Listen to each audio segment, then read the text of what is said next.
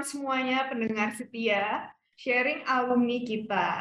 Nah, kali ini sharing alumni kembali lagi dengan topik yang nggak kalah hot dari sebelum-sebelumnya. Dan kali ini kita mau masuk lebih dalam ke bidang-bidang di industri ini. Nah, Lir, hari ini kita kedatangan siapa ya, Lir? Hari ini kita kedatangan Mbak Manda Adelia nih, dari Angkatan 2016 ya? Benar, Mbak? Lulusannya 2016, angkatannya 2000. Iya, betul yang sekarang nih posisinya jadi brand manager di Love Beauty and Planet, perusahaan yang udah nggak asing lagi di telinga nih. Apa tuh teman-teman coba tebak? Wah, apa tuh? Kayaknya namanya udah di mana-mana hampir kayak hampir semua produk yang kita pakai sehari-hari pasti kayak ada logo-logonya. Iya, benar. Ternyata dari Unilever. Yang logonya U ya, teman-teman. Oke, Mbak. Uh, mungkin karena ini kan Mbak kerjanya di bidang FMCG nih, Mbak. Sementara sekarang nih teman-teman mahasiswa kayaknya walaupun udah banyak dengar-dengar nih tentang FMCG gitu.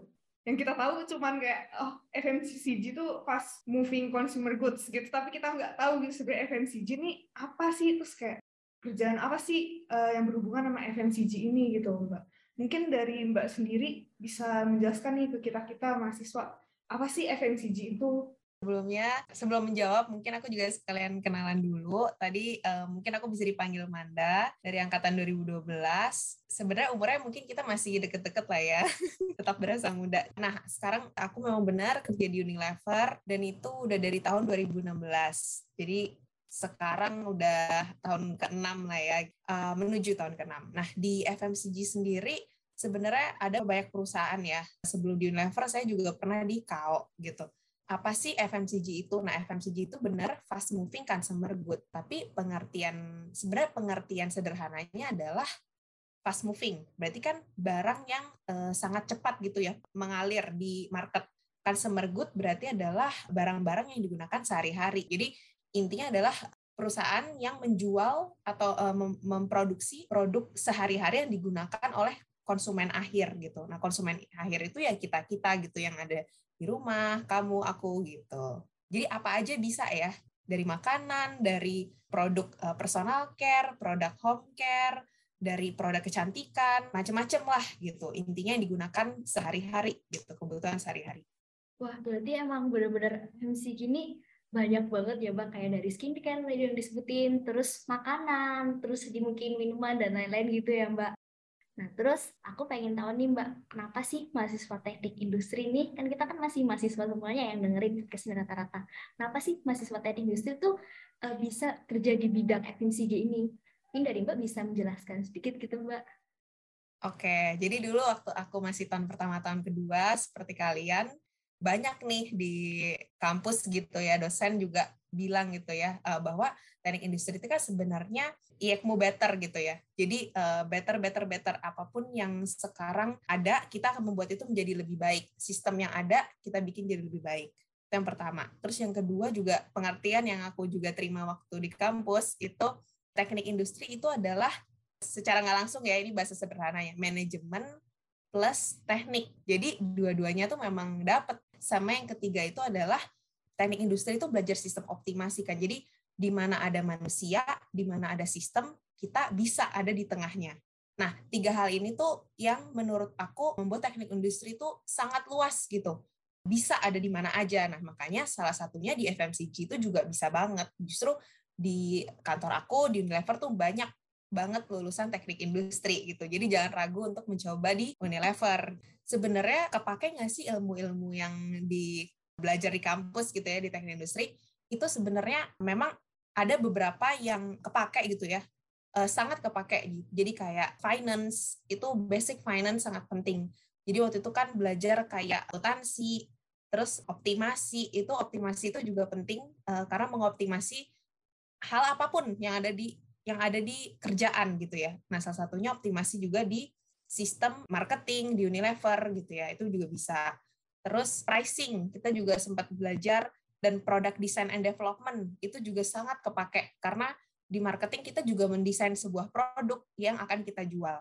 Jadi memang eh, beberapa mata kuliah itu menurut aku ternyata cukup bisa menjadi fondasi gitu lah ya. Untuk kita ngobrol gitu. Dan untuk kita mengerti di dunia FMCG gitu. Oke, Mbak. Um, sebenarnya kan selain dari FMCG sendiri nih, Mbak, banyak bidang-bidang di industri yang sering dipromosiin nih sama dosen-dosen PTI di tahun-tahun pertama nih, apalagi kayak mas maba-maba kayak kita nih, tentang kayak misal ada oil and gas, ada consulting, ada juga uh, mungkin bahkan ada beberapa alumni yang tertarik pada bidang akademik gitu. Kenapa sih Mbak memilih bidang FMCG menjadi uh, path karirnya Mbak gitu? Nah, ini tuh benar-benar ada yang namanya connecting the dots gitu ya. Jadi ketika kita ngeliat ke belakang tuh baru nyadar, oh ternyata berhubungan gitu. Jadi pertama masuk, benar masih nggak tahu nih mau apa. Terus waktu itu eh, ada mata kuliah PDD kan. Nah, pas belajar itu kok seru nih produk design and development gitu kan. Akhirnya aku daftar jadi ASDOS sama ASLab terus uh, dapat waktu itu sama Pak Alfa, terus belajar banyak nih soal PDD gitu kan oh ternyata seru ya mengerti gitu gimana membuat sebuah produk berdasarkan consumer value gitu. Jadi kita menjawab kebutuhan konsumen. Nah, itu tuh membuat aku sangat tertarik gitu. Nah, itu udah mulai tuh oh suka gitu ya.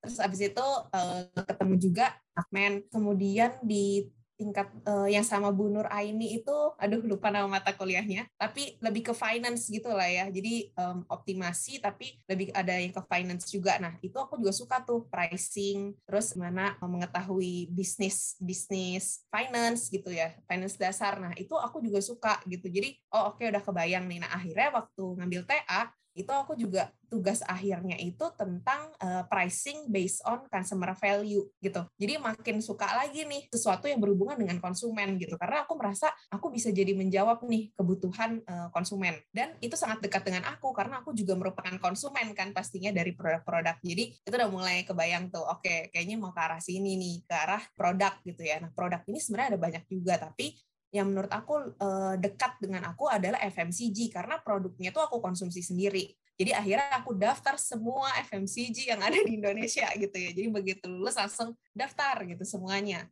uh, nggak pandang bulu gitu ya. Waktu itu aku juga sempat intern di AHM ya Astra Honda Motor. Waktu itu aku juga mikir kan, nah ini sama kayak kalian. Siapa tahu aku juga cocok nih di manufaktur atau di oil and gas gitu ya. Tapi waktu itu belum terlalu jauh ke oil and gas gitu. Jadi ke manufaktur. Terus ternyata um, setelah pabrik gitu ya, uh, terus ngeliat sistemnya dan segala macam kayaknya um, aku ngerasa hati aku, weh, hati aku mungkin bukan di manufaktur nih, kayaknya agak kurang kurang passionate gitu. Tapi waktu aku jadi aslab di PDD, terus juga tadi aku jelasin itu aku merasa lebih passionate gitu. Nah akhirnya coba lah ini kan di FMCG. Pertama itu di KO sekitar dua bulan. Habis itu keterima di Unilever. Makin yakin lagi nih oh oke okay, berarti cocok gitu jadi akhirnya pas udah dijalanin benar ternyata cocok gitu. Jadi emang dari awal suka suka suka cari tahu apa yang kamu suka cari tahu apa yang kamu passionate. Nah akhirnya ketemu juga nih jalurnya gitu sih. Kayak mbak berarti dari awal kayak dari apa sih dari matkul-matkul yang emang mbak udah sukain gitu ya. Terus juga mbak kan sempat jadi asisten lab P3 yang tadi mbak sempat singgung juga. Terus uh, untuk yang matkul yang tadi mungkin mbak sempat singgung itu yang sama Bu Edi nih kalau nggak salah ekonomika teknika bukan Ya, kayaknya itu ya nama atau udah berubah ya namanya ya kalau sekarang. Ya, lebih iya. ke ekonomi gitu ya. Oh ya, kayaknya ekotek ya, benar-benar benar. Ya, kebetulan kita juga lagi dapet ya. Oh, gimana? Suka nggak? Menantang ya, Mbak ya. Cukup menantang, betul. Tapi seru kan? Cuma kayak agak jauh gitu kan dari kemarin-kemarin kita belajar fisika, fisika masih semester awal gitu kan. Terus kayak ada mekanika teknik, eh tiba-tiba ekonomi gitu kan, jadi agak pusing sedikit. Cuman oke okay, ternyata kayak ini baru industrinya tuh di sini gitu kayak ada perbedaannya dari teknik-teknik lain gitu ya kayak iya betul betul. Oke terkait sama pekerjaan mbak sekarang ini di brand manager brand manager ya mbak benar ya mbak? Iya betul. Uh, aku kan baca LinkedIn mbak nih. Terus mbak uh, tulis begini di LinkedIn my true passion is to be a 360 degree marketer. Nah itu maksudnya apa sih mbak 360 degree marketer ini Ya, jadi sebenarnya marketing itu cukup luas ya, eh, teman-teman. Jadi kalau aku boleh bagi menjadi dua, itu ada yang namanya brand development, ada yang namanya brand building. Nah, bedanya apa sih dua ini di marketing gitu ya? Kalau brand development itu kayak ibu yang sedang hamil gitu. Jadi mempersiapkan kelahiran seorang bayi yang akan lahir ke dunia. Nah, itu sama kayak yang PDD. Jadi kita mengetahui consumer value, apa consumer need, pain-nya apa, gain-nya apa, kita rumuskan menjadi sebuah insight untuk kita membuat produk gitu. Nah dari udah kita tahu mau bikin produk apa, nggak sampai situ ya, itu harus benar-benar lahir, benar-benar orang bisa ambil itu di rak uh, toko gitu ya. Ini barangnya udah ada nyampe ke konsumen. Nah itu kan butuh proses yang panjang. Jadi pertama uh, butuh formulanya seperti apa, packagingnya seperti apa, untuk cantik rupanya seperti apa, nama brandnya apa, terus isinya mau rasa apa atau wangi apa gitu. Jadi ingredientsnya apa aja itu harus dirumuskan kan kita harus bikin gitu. Terus konsep produknya kayak gimana? Dijualnya ke siapa sih gitu kan? Terus nanti kita mau ngiklanin produk ini kayak gimana gitu? Menggunakan apa nih? Apakah media TV atau media uh, digital atau sosial media doang? Jualannya mau di mana? Apakah di e-commerce aja atau mau di minimarket juga? Jadi banyak yang harus dirumuskan gitu. Biasanya kita juga ngelihatnya dari 6P gitu ya. Jadi kayak produk uh, kemudian propositionnya dia ini akan menjawab kebutuhan apa, place-nya gitu kan, price-nya mau dihargain berapa, apakah targetnya ini untuk low to medium atau medium to high um, untuk kelas sosialnya yang mau kita target gitu. Jadi semuanya itu harus dipikirin. Nah, itu namanya mix, mix yang di develop gitu. Dari situ sampai akhirnya menuju produksi gitu kan. Jadi harus mikirin juga sourcingnya mau di mana, diproduksi di mana. Terus uh, produksinya berapa lama, networknya seperti apa. Nah, project management itu salah satu yang juga sangat berguna karena selama proses untuk bikin produk itu pakai uh, program project management itu gitu. Jadi tahu networknya kayak gimana. Sampai akhirnya order nih, oke order dibikin, diproduksi, disiapin, udah meluncur ke warehouse. Warehouse kita udah juga belajar deh nanti di semester uh, tahun kedua atau tahun ketiga mengenai warehouse gitu ya, optimasi untuk distribusi. Nah itu juga kepake karena kita gitu oh oke okay, jadi harus ada warehouse di sini didistribusikan ke mana. Habis itu sampai deh dijual ke minimarket, negosiasi dengan mereka. Nah, baru dia lahir dong gitu kan, habis bisa diproduksi. Itu adalah brand development. Kemudian kalau brand building ini adalah bayi yang tadi udah lahir itu mau dibesarkan gitu. Jadi kayak ini dua hal yang berbeda nih. Dibesarkan seperti apa? Misalnya, aku tadi ya pegang brand Love Beauty and Planet. Love Beauty and Planet itu kan baru launching di Indonesia itu tahun 2019 gitu. Jadi masih mungkin ada beberapa yang belum aware dengan pasti produk ini gitu ya. Beda sama Pons yang mungkin semua orang udah tahu gitu ya karena udah lama banget. Nah, jadi Love Beauty and Planet ini harus dikembangkan nih brandnya. Dengan cara apa? Nah, tadi dengan mengiklankan brand tersebut gitu ya. Terus mengkomunikasikannya di digital, melalui sosial media, melalui influencers gitu ya. Kalau zaman sekarang TikTok aja udah jadi marketing gitu kan. Uh, Twitter aja thread bikin thread juga bisa jadi sumber marketing gitu. Nggak cuma TV ya, dulu kan TV aja gitu. Nah, jadi gimana kita membangun Love Beauty and Planet ini supaya semakin dikenal oleh banyak orang gitu. Jadi brand ini semakin lama semakin besar sama kayak kita membesarkan bayi. Kita kasih makan ya kan, kita uh, bikin orang tahu tentang tentang brand ini gitu sih. Dengan macam-macam ya, bisa juga dengan activation. Misalnya kita bikin campaign, activation, kita buka booth misalnya di mall gitu ya. Jadi banyak hal yang bisa dilakukan. Selain itu juga dengan inovasi yang tadi aku ceritain, itu misalnya Love Beauty and Planet mengeluarkan shampoo terbaru misalnya. Shampoo ini tuh juga harus kita besarin kita kasih tau orang heh ada shampoo ini loh bagus banget buat rambut kalian udah keramas dua hari wanginya masih nempel terus gitu ya. Kalau pakai Love Beauty and Planet pokoknya kan harus coba deh. Udah gitu dia tuh natural bahannya. Udah gitu um, baik banget buat kulit buat tangan terus udah gitu brand uh, apa produknya ini tuh juga baik untuk dunia loh karena dia vegan dia natural terus dia recycled bottle 100% gitu. Jadi uh, sangat baik untuk dunia juga dan baik untuk kamu gitu. Semacam itulah nah. Jadi kita mengkomunikasikan brand tersebut gitu dengan berbagai media. Seperti itu sih kira-kira bedanya brand development dan brand building dan dua hal ini uh, sama-sama seorang uh, marketeers itu atau marketing itu lakukan gitu sih kalau dari yang dengerin ya berbeda-beda. Padahal namanya tuh mirip gitu ya. Satu building satu development ya. Kalau development tuh benar-benar dari nol dari bahan-bahannya terus researchnya sampai nanti proses produksi kalau yang building itu kita promosinya tuh gimana gitu ya Mbak. Lebih tepatnya kayak gitu. Terus uh, aku mau nanya nih Mbak. Gimana sih Mbak pengalamannya Mbak kerja nih selama ini di Love Beauty and Planet? Terus apa aja sih yang dikerjain di sana gitu Mbak? Mungkin Mbak boleh sharing-sharing gitu tadi sebenarnya udah beberapa udah aku jelasin ya. Jadi aku definitely melakukan dua hal tadi. Jadi melakukan mempersiapkan inovasi-inovasi yang terbaru dari Love Beauty and Planet itu dengan brand development tadi. Kemudian di brand building eh, aku juga semakin mengenalkan Love Beauty and Planet ini ke uh, teman-teman semua gitu. Misalnya tadi ada yang belum tahu gimana ya cara aku untuk menjangkau orang tersebut supaya orang tersebut tahu bahwa ada sih brand dan produk dari Love Beauty and Planet yang terbaru. Cuman kalau misalnya aku boleh cerita sedikit gitu ya, kayak kalau misalnya teman-teman gitu nanti ada yang tertarik gitu mau masuk ke marketing FMCG sebenarnya skill set apa sih yang harus dimiliki gitu. Jadi tadi kan teman-teman nanya emang ngapain aja. Aku malah mau cerita sedikit nih tentang skill setnya gitu. Mungkin kalau tertarik ya. Yang pertama, kalau misalnya mau masuk marketing gitu ya, paling penting tuh kita tahu consumer itu maunya apa gitu. Jadi tadi ya consumer value, consumer insight. Pas aku di Love Beauty and Planet, aku juga melakukan ini, aku melakukan research gitu. Sebenarnya target konsumen aku itu siapa? Apakah umur 18 tahun atau umur 25 tahun gitu kan. Nah, aku melakukan research, research, habis itu aku harus cari tahu juga. Setelah udah tahu target aku, uh, target konsumen aku ini sukanya apa atau uh, saat ini pain atau problem yang dia hadapi dengan produk yang dia gunakan sekarang tuh apa yang belum terjawab sehingga bisa dijawab dengan Love Beauty and Planet. Terus abis aku tahu nih ya tentang consumer aku, behaviornya seperti apa, sukanya yang wangi seperti apa, masalah pada rambutnya apa, masalah di kulitnya apa, supaya dengan produk Love Beauty and Planet kita bisa menjawab.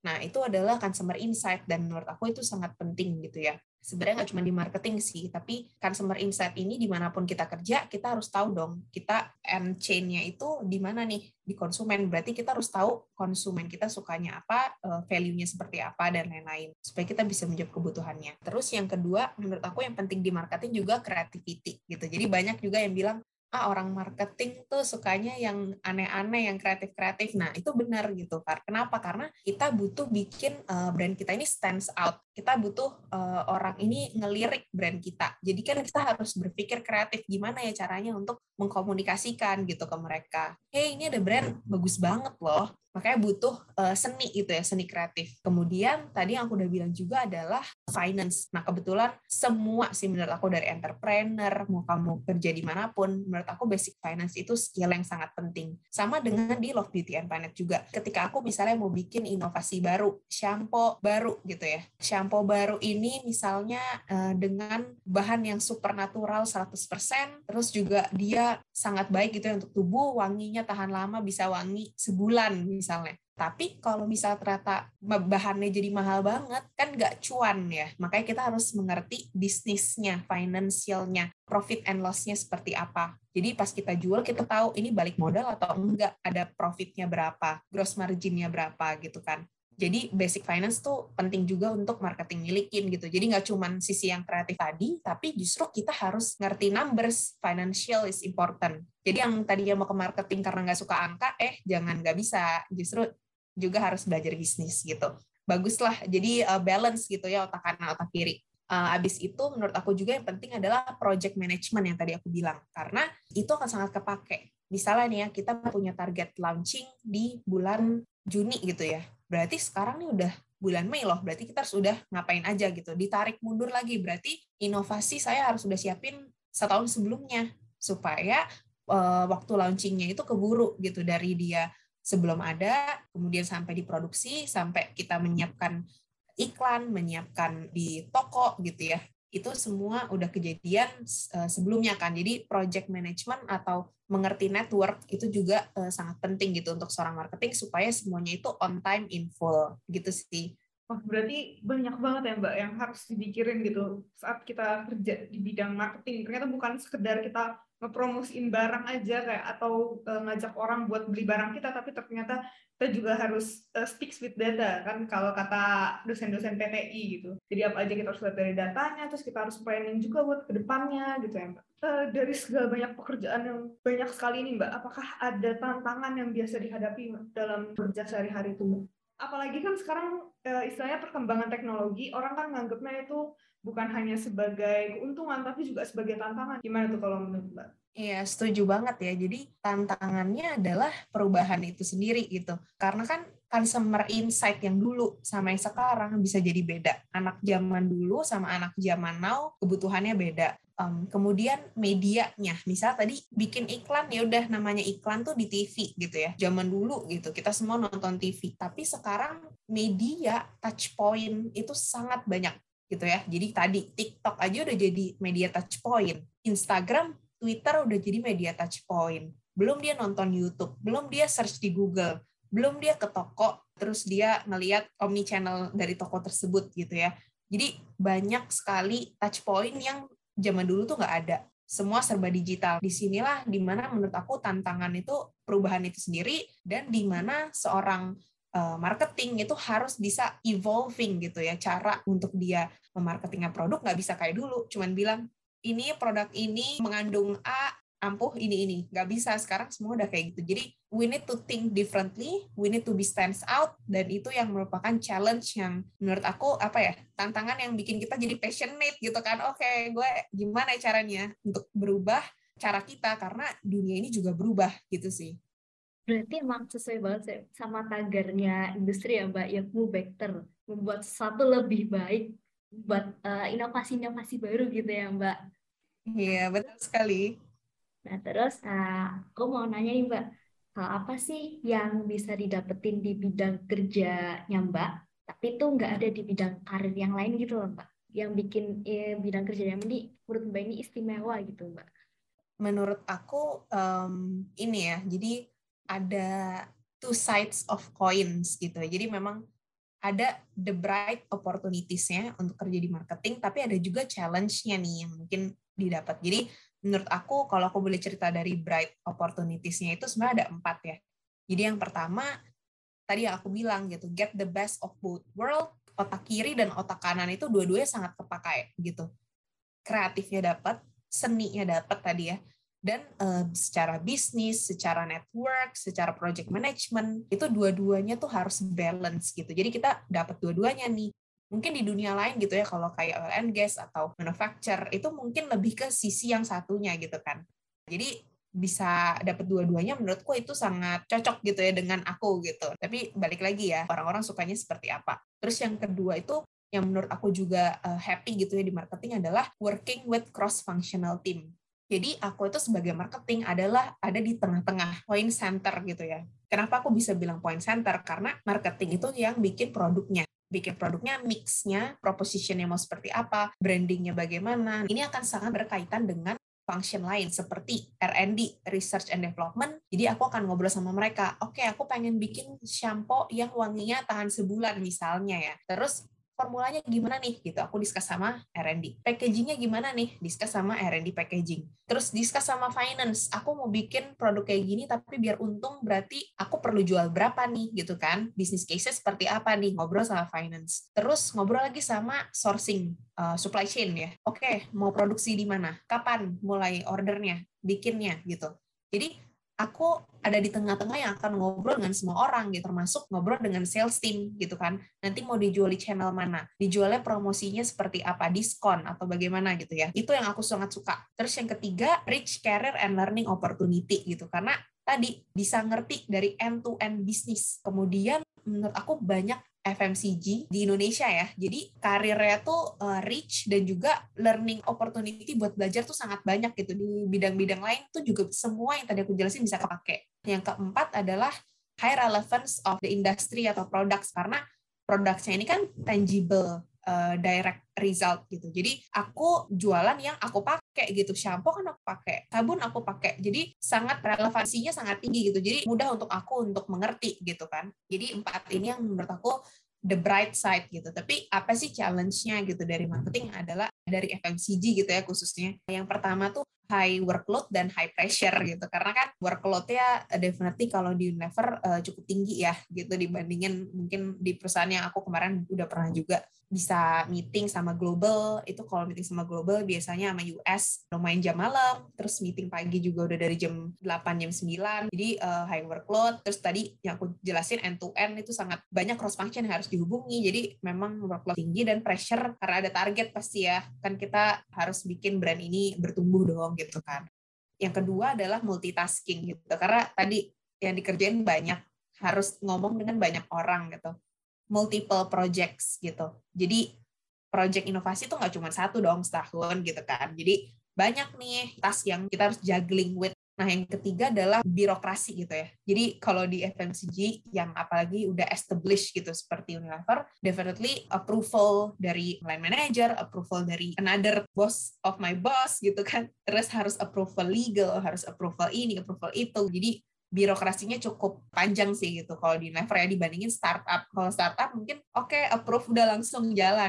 Tiga hal ini juga menurut aku jadi challenge tersendiri sih bidang FMCG ini sangat spesial ya Mbak, karena tadi uh, berkaitan langsung dengan daily needs kita gitu. Terus uh, benda-benda yang dekat dengan kita juga. Terus uh, mengenai bidang kerja Mbak tadi, kenapa Mbak memang menarik gitu di bidang brand manager karena juga itu salah satu kunci kesuksesan dari penjualan dan sebagainya itu ya Mbak tanpa adanya uh, marketing dan lain-lainnya siapa yang mau beli gitu nanti kan. Wah kalau gitu ternyata keren juga ya. Gimana Lir mulai tertarik nggak Lir dengan bidang FMCG? Setelah dengerin dari penjelasannya Mbak Manda, aku tertarik sih, tertarik buat tertarik ya, tertarik buat mendalami gitu ya. Nah, mungkin semoga juga banyak nih uh, mahasiswa dari teknik industri yang semakin tertarik gitu dengan bidang ini setelah dengar podcastnya bareng Mbak Manda ini gitu. Mungkin Mbak bincang-bincang kita uh, berakhir di sini terima kasih banget kita uh, karena Mbak Manda udah bersedia buat datang ke podcast kita terus kayak sharing-sharing hal-hal yang luar biasa banget nih sama kita terus membuka insight-insight baru buat mahasiswa-mahasiswa teknik industri Mbak. Thank you juga. Semoga berguna ya untuk teman-teman dan nanti bisa aja hubungin aku lewat LinkedIn kalau ada yang tertarik ke Unilever. Good luck.